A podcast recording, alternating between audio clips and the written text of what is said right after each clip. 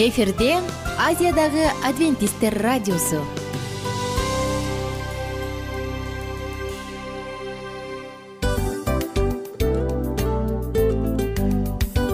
Достор салют.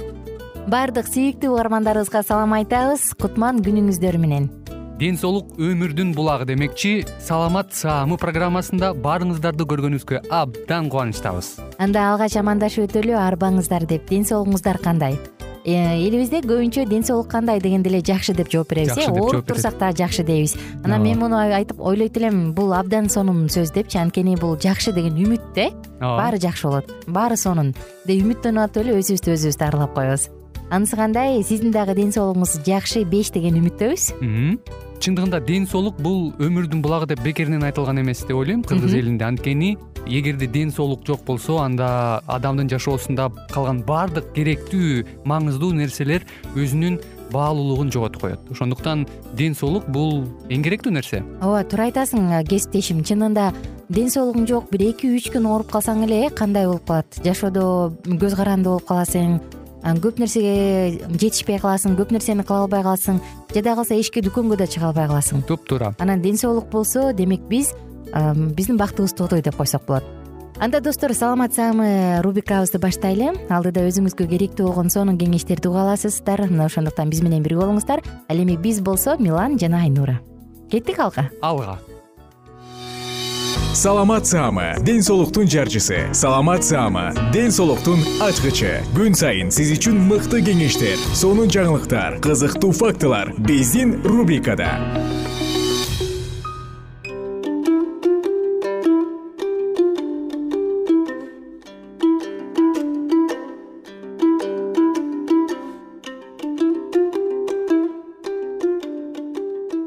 саламатсыздарбы ардактуу угармандар. Сиздер менен эфир аркылуу жолугушуп жатканыбызга абдан кубанычтабыз.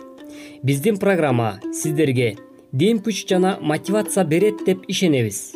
Анткени бүгүнкү программабызда мотивацияга муктаж жана ашыкча салмактан арылууну каалаган мырза жана айымдарга арнамакчыбыз.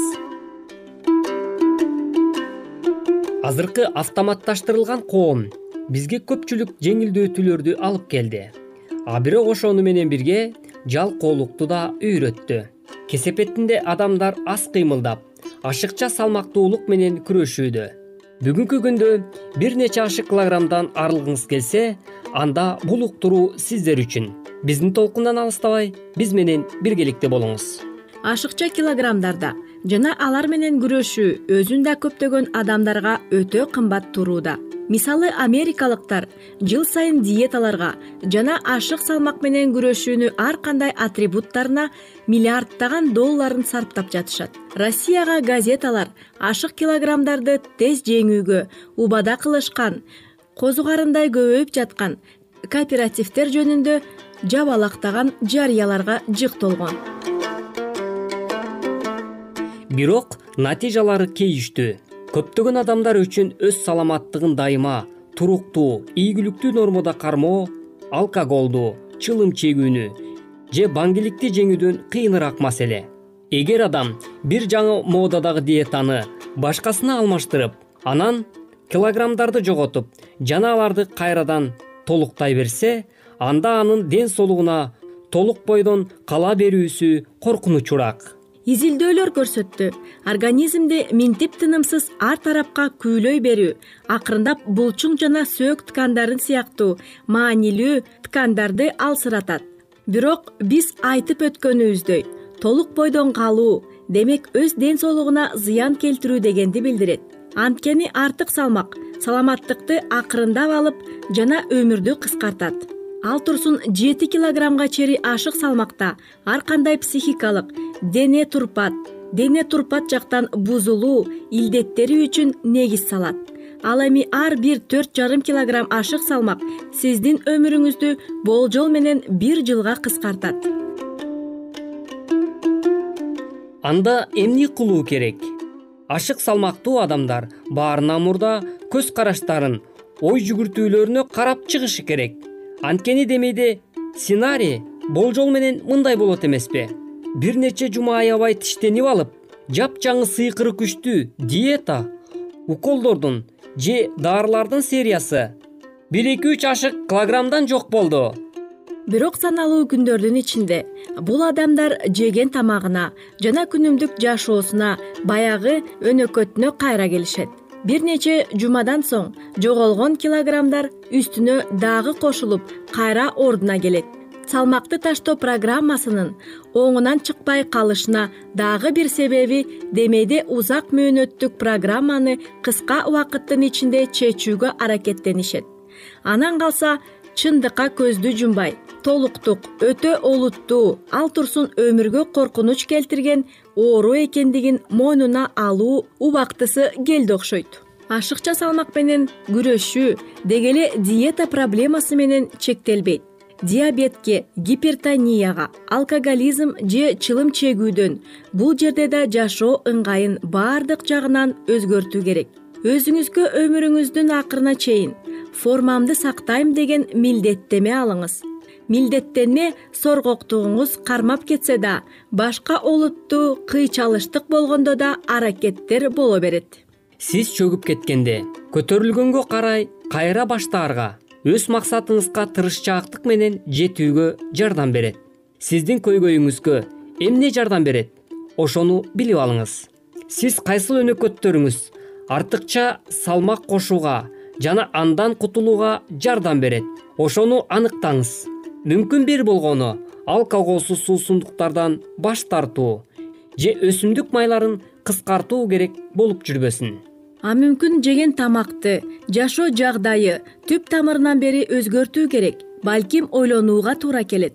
Бир кезде катуу санаага батып көңүл чөккөн ызаланган учур болгондур.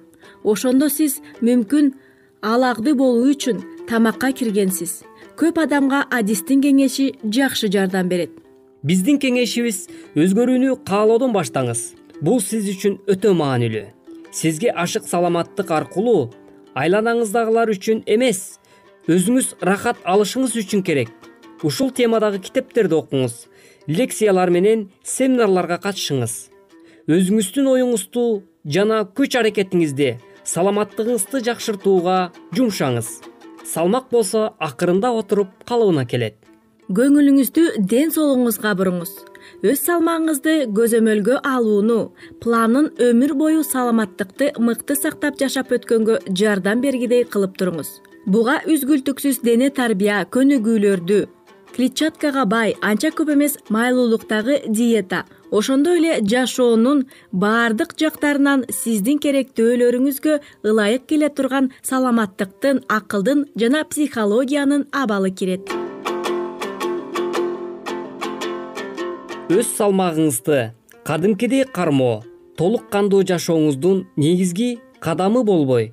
Анын бир гана бөлүгү болушу тийиш мындай турмуштук пландын ишке ашырылышы толук мүмкүн аны аткаруу пландын ишке ашырылышы керек. А бул иш болсо сиздин колуңуздан келет. Анткени колдон келбеген эч нерсе жок. Бир гана каалоо менен иш аракет керек. Баардык күч аракетиңизди жумшап көрүңүз. Ылайым сиздин ийгилигиңиз колдосун. Бүгүнкү программага назар салганыңыздар үчүн чоң рахмат. Келэрки уктурууда кезиккенче сак саламатта болуңуздар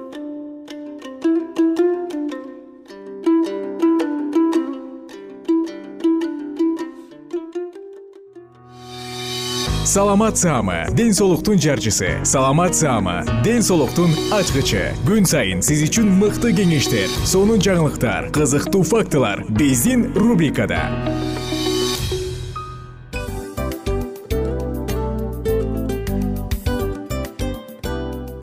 Салам достор.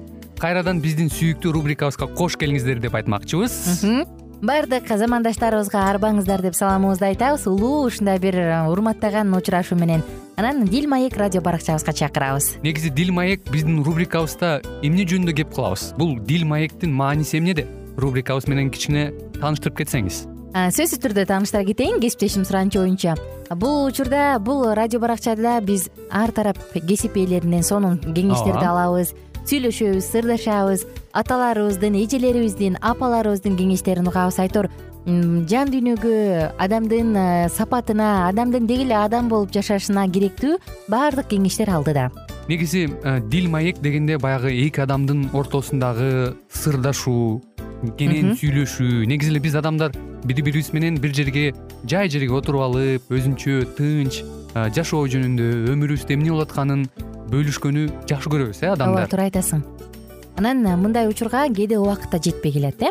Же болбосо сырыңды кайгыңды муңуңду кубанычыңды айткың келет а адамга ишенбешиң мүмкүн. Ооба. А бул радио баракча угармандарыбыздын чыныгы досу. Анткени бизден алган кеңеш сиздин жашооңузга чоң жардам берет. Ал эми сиздин бизге айта турган сөзүңүз ортодо гана сыр бойдон калат. Ошондуктан биздин дил маек рубрикабызга дагы бир жолу кош келиңиздер жана биз даярдаган маалыматтарга даяр болуңуздар. Айнура жана милан сиздер менен бирге алдыга кеттик. Ар түрдүү ардактуу кесип ээлеринен алтын сөздөр жүрөк ачышкан сыр чачышкан сонун маек дил маек рубрикасында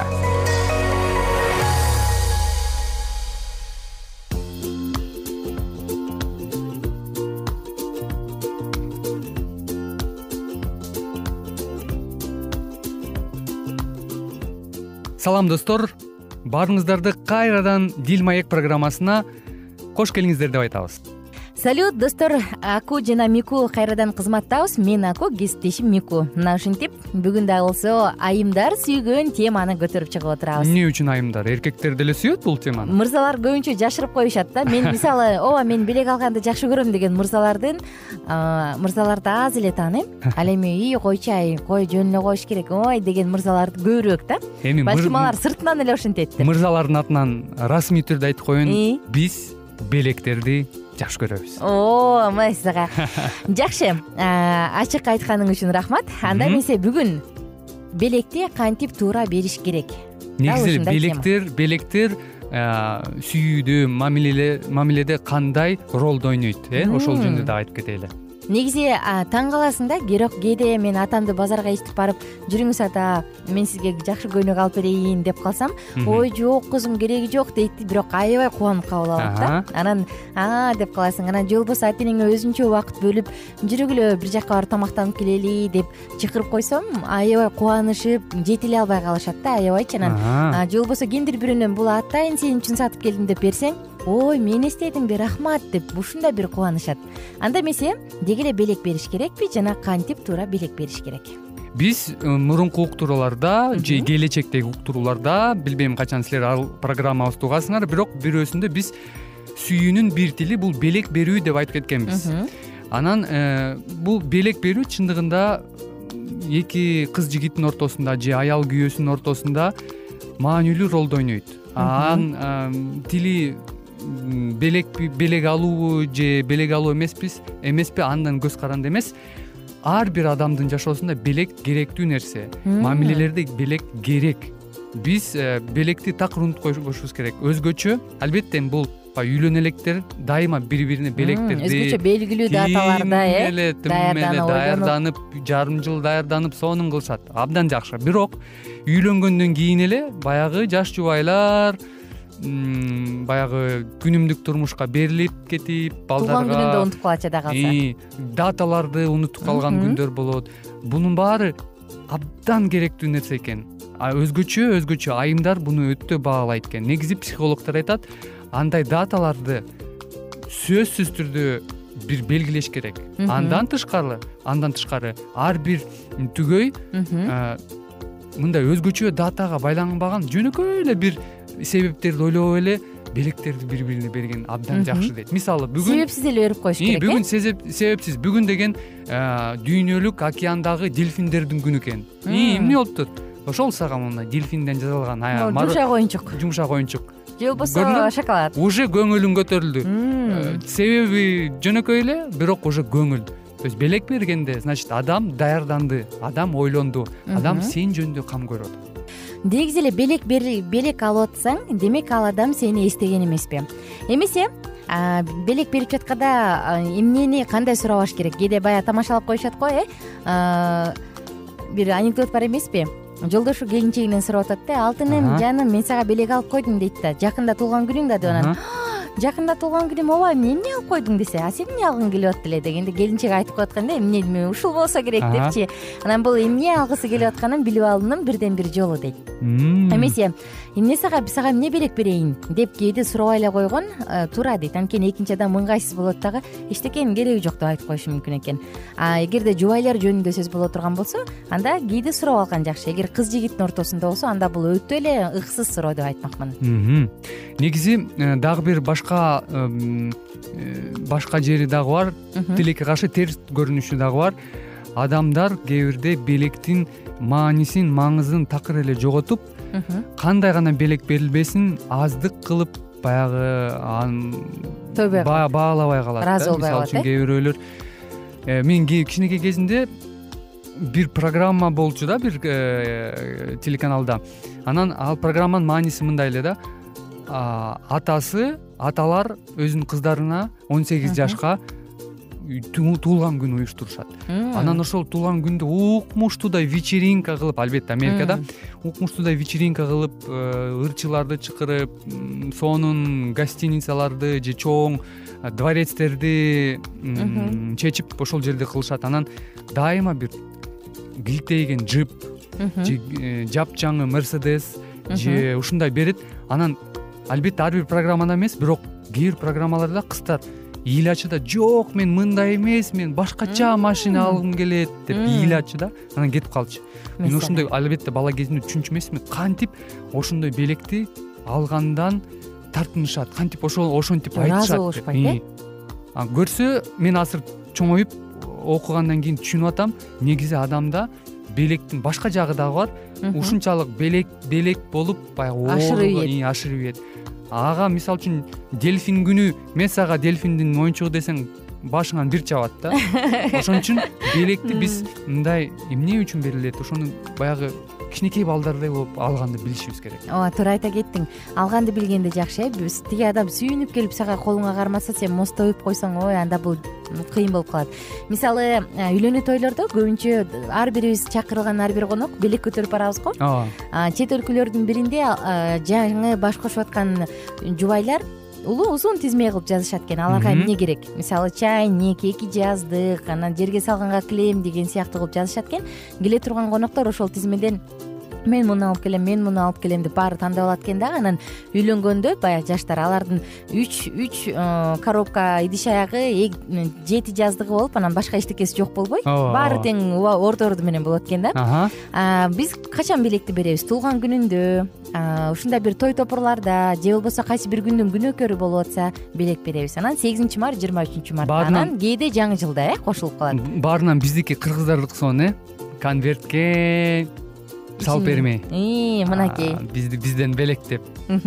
Аягына кайра кредитке кетип калабы албетте андай эле болбой эле койсун. Эмесе достор белекти кантип бериш керек? Деги эле кантип туура бериш керек? Кээде жогоруда айта кетпедикпи сага эмне белек берейин деп сураган ыксыз болуп калат деп.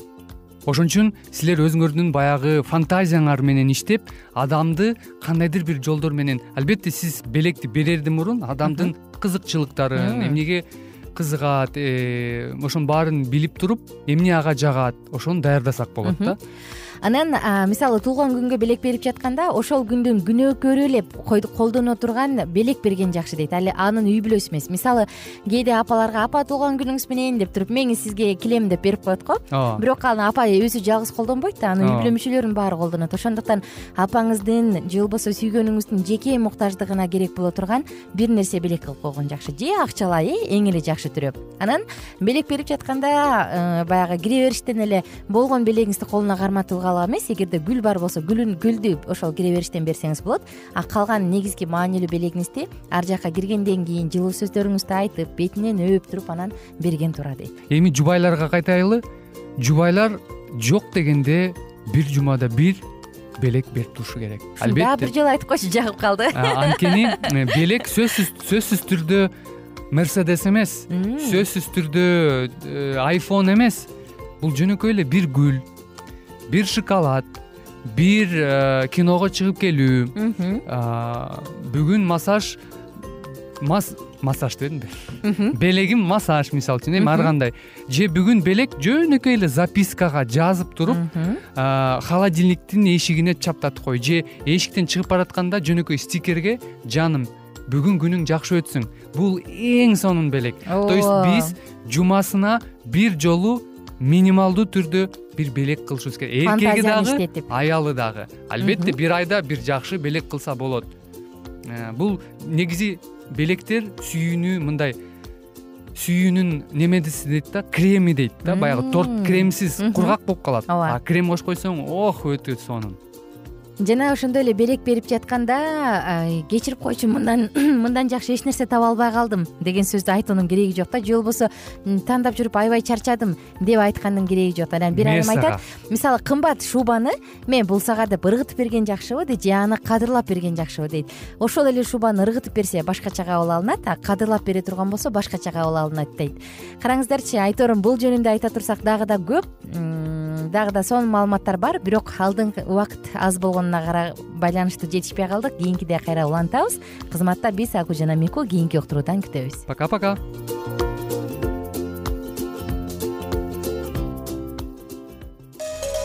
ар түрдүү ардактуу кесип ээлеринен алтын сөздөр жүрөк ачышкан сыр чачышкан сонун маек. Дил маек рубрикасында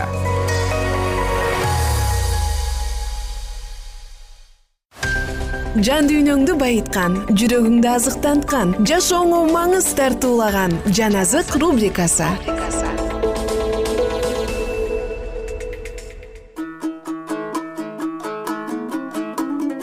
Саламатсыздарбы достор. Сиздер менен улуу күрөш китебин улантабыз. Франциядагы даражалуу адамдардын арасында эң эле билимдүүсү бал тилдүү үгүтчү эр жүрөк терең ойлуу ак сарайда да чоң таасирге ээ болгон падыша жактырган беркен көп адамдардын айтуусу боюнча өз мезгилинде эл журту үчүн татыктуу реформатор болот деген сында болгон. Беза ал жөнүндө мындай деп айткан. Франциско биринчини саксондун башкаруучусуна салыштыра турган болсок анда беркен экинчи лютер болгон. Ал лютерден дагы ашып түшөт деп папанын жактоочуларын ыйлашкан. Баарынан дагы андан франциядагы папанын жактоочулары абдан чочулашкан беркинди жалгандыкты таратат дешип зынданга дагы салышкан бирок аны ал жерден падыша өзү бошотуп алган. Ошентип бул күрөш бир нече жылдар созулду. Франциско биринчи рим менен реформациянын ортосунда тургандыктан бир монахтардын каарына жол берсе кайрадан аларды токтоткон. Папанын бийлигиндеги адамдар аны үч жолу зынданга салышкан үч жолу тең падыша аны ал жактан бошоткон падыша бул адамдын жогорку чыгармачылык жөндөмдүүлүгүнө жана такыбаалыгына байлангандыктан аны каарданган диний жетекчилердин алдына курмандык катары салып берген эмес.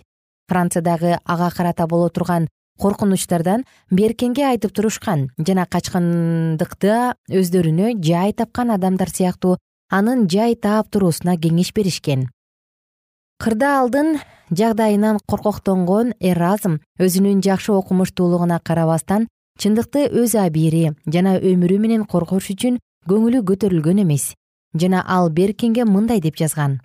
Сени башка европалык мамлекеттердин бирине элчи кылып жиберүүсүн же германияга саякатка жөнөтүүсүн суран. Сен безаны жана ага окшогондорду жакшы билесиң. Булар уу чачыратып жаткан миң баштуу айбанга окшош. Сенин душмандарыңдын ысымы сансыз көп. Жана сенин жасаган иштериң ыйса машаяктын кылган иштеринен жакшыраак болгон күндө дагы алар сени жок кылып тыйынмайынча тынч ала алышмак эмес. Падышанын сени коргоп тургандыгына көп эле таяна бербе. Кандай гана болбосун диний факультетте менин абийиримди кетирбе.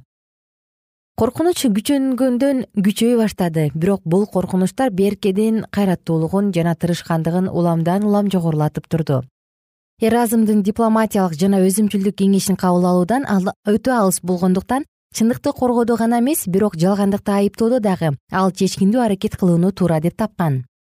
Жалгандыкты таратуучу деп папанын жактоочулары койгон айыптоолорду ал кайрадан алардын өздөрүнүн башына түшүрдү. Анын эң эле элдиши алгыс жана каардуу каршылаштары париж университетинин диний бөлүгүнүн монахтары жана окумуштуулары болгон жана алар өлкө боюнча руханий суроолорду чечмелөөдө белгилүү болуп саналышкан. Ушул кудай сөзүн талкуулоочу адамдардын жазган кол жазмаларынан беркен он эки негизгисин алып аларды эл алдында мукадаска карама каршы жана жалгандык деп жарыялады. Жана падышага кайрылып анын бул талам тартышта калыс болуусун өтүндү. Падыша каршылаш тараптын күчүн жана даанышмандыктарын текшерип көрүү жана текебер өзүн өзү көтөрүшкөн монахтарды жуушутуу максатында бул сунушту кубануу менен кабыл алып монахтар өз коргонуусун ыйык жазуунун негизинде далилдеп берүүсүн талап кылды. Бирок бул курал өздөрүнө эч кандай пайда алып келе албастыгын монахтар жакшы түшүнүшкөн. Ал эми зындан кыйноо жана отко өрттөө куралдары менен алар жакшы колдоно билишкен. Эми болсо алардын орду алмашып калгандыктан алар беркенди ыргытып жиберүүнү каалаган жардын кырында өздөрү туруп калышкандыгын билишти ушул кабылып калган кыйын кырдаалдан кантип чыгуу керектигин издешип алар эми бушайман боло башташты. Ошол кезде шаардын бир бурчунда турган мария айымдын эстелиги булганып калган болчу. Бул иш шаар тургундарын чоң тынчсызданууга алып келген. Ушул жерге кайгырган жана нааразылык билдиришкен адамдар агылып келип жатышты. Падыша дагы бул болгон нерсеге абдан кападар эле. Жана беркендин душмандарына жагымдуу жагдай туулду. Жана бул жакшы шылтоо убагын колдон чыгарып жибербей алар мындай деп айтышты. Мына беркиндин окутууларынын жемиштери жакында бул лютерандык бизге каршы аракеттенген адамдары аркылуу дин дагы жана мыйзам жана такты дагы бир күнү кулатылат. Жана кайрадан беркен тамакка камакка алынды. Ошол мезгилде падыша парижде болгон эмес жана монахтар өз эркинче аракет кылышкан реформаторду кармашып сот кылышкандан кийин анын ишине франциска бир кийлигишпес үчүн бул буйрук жазаны тезинен иш жүзүнө ашырууну каалашкан. Чак түш мезгилинде айыпталуучуну өкүм жаза ишке аша турган жерге алып келишти. Ал жерге көп сандаган адамдар чогулушкан. Папанын курмандыгы болуп франциянын бирден бир такыба жана өтө мыкты адамдарынын бири болуп жаткандыгын көрүшүп кээ бир адамдар таң калуу жана тынчсыздануу менен турушту келген адамдарды нааразычылык айраң таң калуулук жана жек көрүүчүлүк каптап турган адамдардын баарынын жүзү кайгыга малынды. Бирок бир гана адам таң калбастан камырабай турган. Жапа чегүүчүнүн ойлору бул болуп жаткан тополоңдон алыста эле. Ал бир гана теңирдин жанында болуп турганын сезип турду. Беркен өзүн алып келген кыйчылдаган арабанын үнүн дагы өз баш кезерлеринин каардуу жүздөрүн дагы сезген жок ал өзүн күтүп турган кайгылуу өлүмдүн коркунучун дагы билбеди ким өлүп жана азыр түбөлүктүү тирүү болгондун өзү тозоктун жана өлүмдүн ачкычын колуна кармагандын өзү анын жанында болгон. Беркиндин жүзүнөн асмандын жарыгы жана тынчтыгы көрүнүп чагылышып турду. Өзүнүн жогорку даражалуу адамдардын катарында болгондугунан баркубат плащ жеңсиз кызгылтым кемсел жана алтын түстөгү шым кийинген болчу жана бүткүл ааламда падышалардын падышасы болгон кудайдын алдында өз ишеними жөнүндө күбөлөндүрө турган мезгил дагы келип жетти. Жана анын жүзүн жана кубанычын бир дагы кайгынын көлөкөсү каптай алган жок. Бул болуп жаткан жүрүш көп сандаган чоң көчө аркылуу өткөн жана бардык адамдар анын камырабаган асмандык жаркын жүзүн карап турушкан. Калың топтун ичиндеги адамдардын ал касиеттүү жайда ыйык бир нерсе тууралуу ой жүгүртүп жаткан адамдарга окшош экен деп айткандары угулуп турду. Ардактуу достор кызыктуу окуянын уландысын кийинки уктурууда биз менен бирге улантыңыз мына ушинтип убакыт дагы тез өтүп кетет экен биз дагы радио уктуруубуздун аягына келип жеттик келип кубандырдыңар эми кетип кубандыргыла деп тамашалап калышат эмеспи анысы кандай радио баракчабызды программабызды азыр эле баштап аткандай болдук элек мына соңуна келдик э негизи убакыт э, билинбей өтүп кетет экен мен дагы э, убакыт дегенде бүгүн бир адам менен сүйлөшүп калдым анан убакыт бул мүмкүнчүлүк деп айтып өзүмө өзүм айтып алып анан мага өзүмө эле кайра ачылыш болду да чын эле э Э, карап отурсаң ошол эле жыйырма төрт саат ошол эле жарым саат кайталанып атат. Бирок сендеги мүмкүнчүлүк жок ошол кой берилип кетти? Анысы кандай? Бүгүнкү сонун убактыңызды алтындай болгон жарым саатыңызды бизге бөлүп арнаганыңыз үчүн ыраазычылык айтабыз. Анан жашооңуздун кайсы бир сферасын өзгөртө турган сонун пайдалуу кеңеш алган болсоңуз анда биз максатыбызга жеттик. Анан ушул нерсени кылбасам десеңиз ошол өзгөрүүлөрдү кичинекей кадамдардан баштап иш жүзүнө ашырыңыз дагы жашооңузда чоң чоң ийгиликтерге жетиңиздер чын жүрөктөн ар бир берилген кеңештер сөздөр сиздерге пайдасын алып келет деп ишенебиз. Жана кийинки уктурууларда сөзсүз түрдө чыдамсыздык менен сиздерди күтөбүз. Сагынычтуу салам айтып кайрадан дал ушул жыштыктан баардыгыңыздарды тосуп алганча кызматта мен айнура жана кесиптешим милан анда кол пул каалайбыз жалпыңыздарга ийгиликтүү күн. Саламатта калыңыздар